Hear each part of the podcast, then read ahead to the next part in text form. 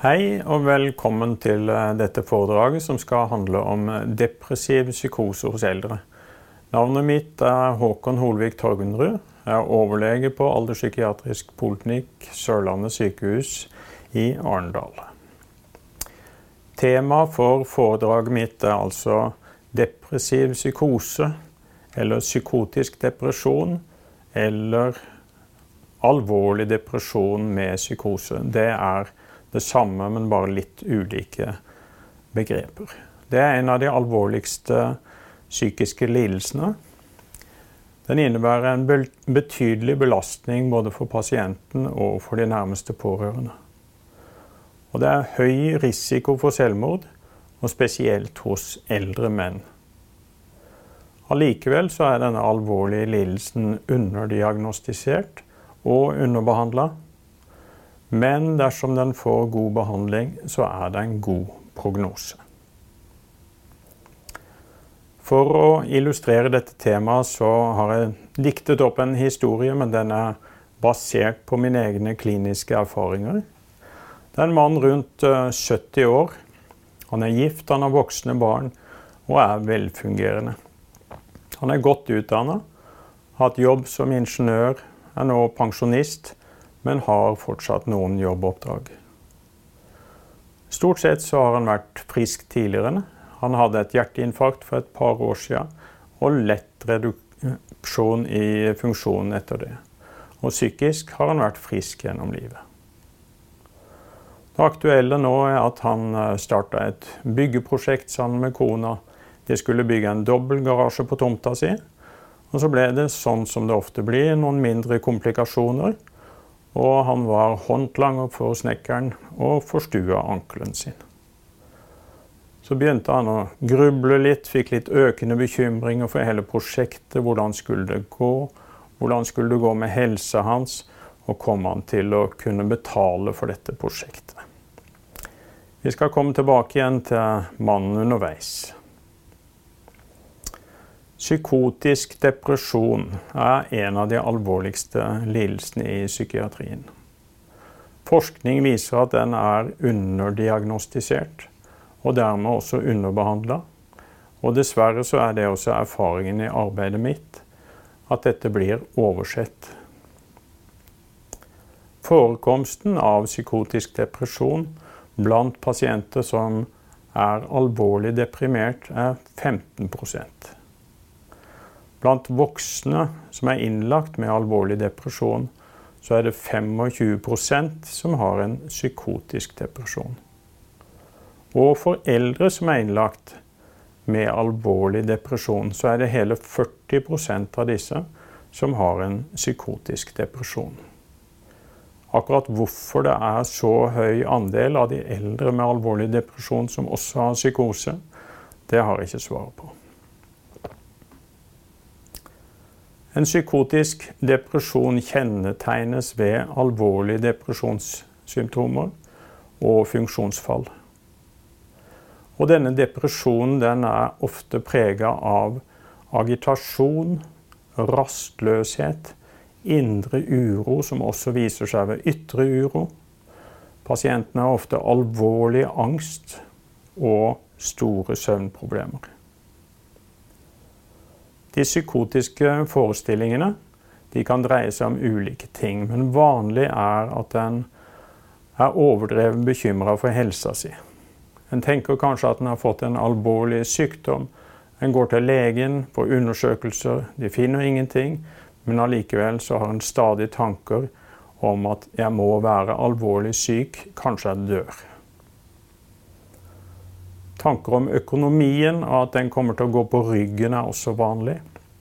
En kan ikke betale lånet sitt, en klarer ikke å betale regningene sine.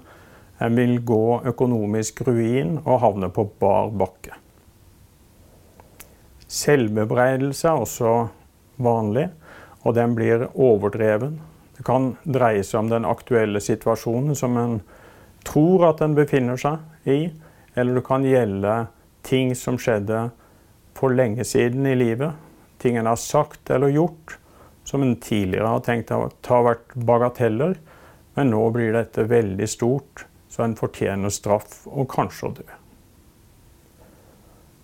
Mange opplever at de er verdiløse. Og en del kan oppleve at de blir forfulgt. De ser noe spesielt i menneskene som de passerer. De oppfører seg på en spesiell måte. De ser på meg på en spesiell måte. Og disse bilene som parkerer ute i gata, de har noe med meg å gjøre. Slike forestillinger kan være ganske vanlig ved en psykotisk depresjon. Og I tillegg så kan eh, pasienten ha hallusinasjoner. De kan høre stemmer. Det kan ofte være stemmer som snakker nedsettende om personen. De kan ha synshallusinasjoner, dvs. Si at de ser skremmende ting som andre ikke ser. De kan lukte ekle lukter. Maten smaker annerledes. Kan den være forgifta? Eller de kan også ha hallusinasjoner og oppleve at de blir berørt uten at det faktisk skjer. Så en psykotisk depresjon har ofte et annet preg enn det vi ofte tenker på som den vanlige depresjonen. Vi tenker kanskje på depresjon som én sykdom, men det er feil. Depresjon kan arte seg på veldig mange måter. Det de fleste av oss kanskje tenker på og har bilder som en depresjon, det er et menneske som er veldig nedbrutt, tenker negative tanker, virker trist, synker sammen i kroppen, snakker langsomt, kanskje med svak stemme, og virker tydelig deprimert. Vi ser det med en gang. Men depresjon kan arte seg på veldig mange andre måter også. Og ved psykotisk depresjon så er det en del som har det vi kaller for atypisk eller agitert depresjon. Og der er bekymringstankene, angsten, den indre uroen, rastløsheten, mye mer framtredende. Og da er det lett å overse dette som en depresjon. Så siden angst og bekymring er så framtredende, så kan denne lidelsen noen gang bli feildiagnostisert som angstlidelse, en tilpasningsforstyrrelse, annen psykisk lidelse, eller av og til som en slags personlighetsforstyrrelse. Og i forhold til psykosesymptomene så kan de variere over tid. Og om en ikke spør og graver, så kan en overse det. Ofte er det nødvendig å snakke litt inngående med pårørende som kan fortelle dette. Og hvis pasienten er innlagt, så kan det godt hende at disse symptomene ikke kommer fram i samtale med legen. Men hvis en snakker med sykepleierne, som er mye mer sammen med pasienten, så kommer det fram. Jo, men han er mistenksom. Han tenker at økonomien er gått på ryggen. Så disse symptomene må en ofte leite etter. Så er det slik med psykotisk depresjon at det er vanligere blant menn, og ofte eldre menn. Og mange av de har høy utdannelse og har vært velfungerende, kanskje på høyt nivå i yrkeslivet. Tilbake til vår mann rundt 70 år. Han kommer til poliklinisk vurdering hos meg. Han har hatt et stort funksjonsfall og klarer ikke å gjennomføre noe praktisk lenger. Han sitter i sofaen sin, han er helt fastlåst i tankene sine og han har isolert seg sosialt. Han orker ikke å treffe noen, heller ikke nærmeste familie. Og han grubler over helsa si. Ankelen som han forstuer. Beinet kommer til å bli ødelagt. Han klarer ikke å gå. Og hjertet hans kommer til å svikte. Antagelig vil han dø. Og dette prosjektet han har satt i gang, det kommer til å ruinere økonomien. De vil miste hus og hjem og stå på bar bakke. Og han er full av selvbebreidelse, for han har gjort uopprettelig feil som vil gå utover han sjøl, og ikke minst kona og resten av familien. Han er urolig. Han vandrer rundt i huset, hvileløs, våkner tidlig, grubler på tankene sine, og han har mista håpet på at dette kan gå bra. Kona er med i samtalen, og det er vesentlig at de pårørende er med. Og hun forstår ikke hva som har skjedd med mannen. Han har aldri vært slik før. Alle bekymringene hans er grunnløse. Økonomien er god, helseproblemene er ikke alvorlige. Men han er ikke tilgjengelig for fornuft. Det går ikke an å snakke han til rette. Og hun er veldig redd for hva som skal skje, for han har forandra seg i løpet av noen uker, og det blir bare verre og verre. Når det gjelder behandling av psykotisk depresjon, så er det viktig at de kommer på rett behandlingsnivå. Og det er lukka psykiatrisk post. Disse pasientene er så syke at de skal ikke følges opp poliklinisk eller ambulant. De skal ikke inn i en åpen DPS-post, de skal på en lukka psykiatrisk avdeling. Og når de kommer dit, så er det fokus på beskyttelse. Disse pasientene trenger å passes på, og de skal ikke ansvarliggjøres i forhold til sine avvikende tanker. Så trenger de medisiner for å dempe angst og hjelpe dem med søvnløsheten. Og dette er ikke situasjonen hvor en skal spare på benzodiazepiner, beroligende og sovemedisiner. De skal ha medisiner slik at symptomene blir dempa. Så trenger de andre medisiner og kombinert behandling med medisiner mot depresjon og mot psykose er det som gir best effekt ved disse lidelsene. Så er det noen som har en psykotisk depresjon som ledd i en bipolar lidelse. Og da er det god grunn til å tenke på stemningsstabiliserende medisiner. Ofte vil det være litium. I tillegg til dette så er det viktig å sette av god tid til samtaler. Og som alltid i pasientkontakt forsøke å bygge allianse. Bygge opp tilliten. Vise omsorg og gi håp. Og det er veldig viktig å inkludere de pårørende i hele forløpet.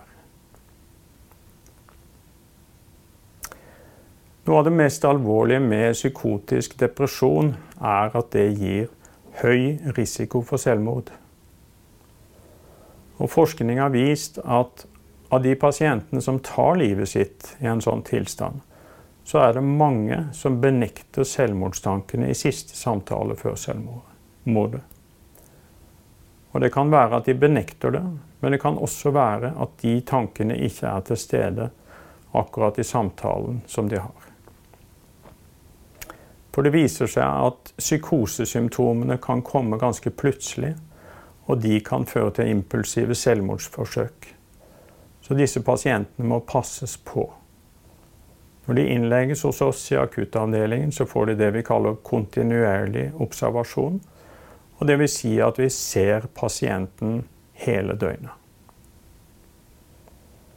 Kristin Fredriksen har eh, skrevet eh, doktoravhandling om psykotisk depresjon og selvmord.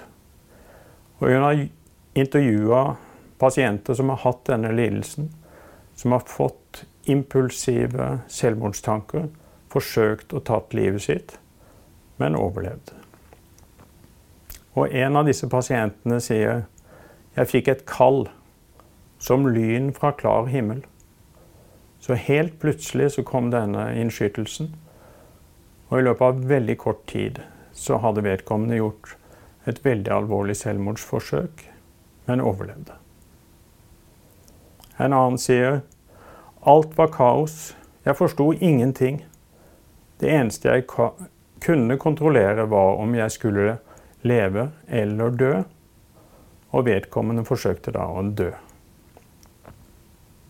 Og Det dette innebærer, er at pasienten kan gå fra ikke å være selvmordstrua til å gjøre veldig alvorlige selvmordsforsøk i løpet av noen få minutter. Så de må passes på. De må beskyttes. Når det skjer et selvmord, så skal vi varsle Helsetilsynet. De gikk gjennom varslene sine og skrev eh, om det i en artikkel i Tidsskrift for Legeforeningen. Og de skriver der, og jeg siterer I vår gjennomgang av varsler har vi funnet en rekke eksempler på at de som har kartlagt og vurdert pasientene, tilsynelatende har manglet tilstrekkelig kunnskap om psykotisk depresjon.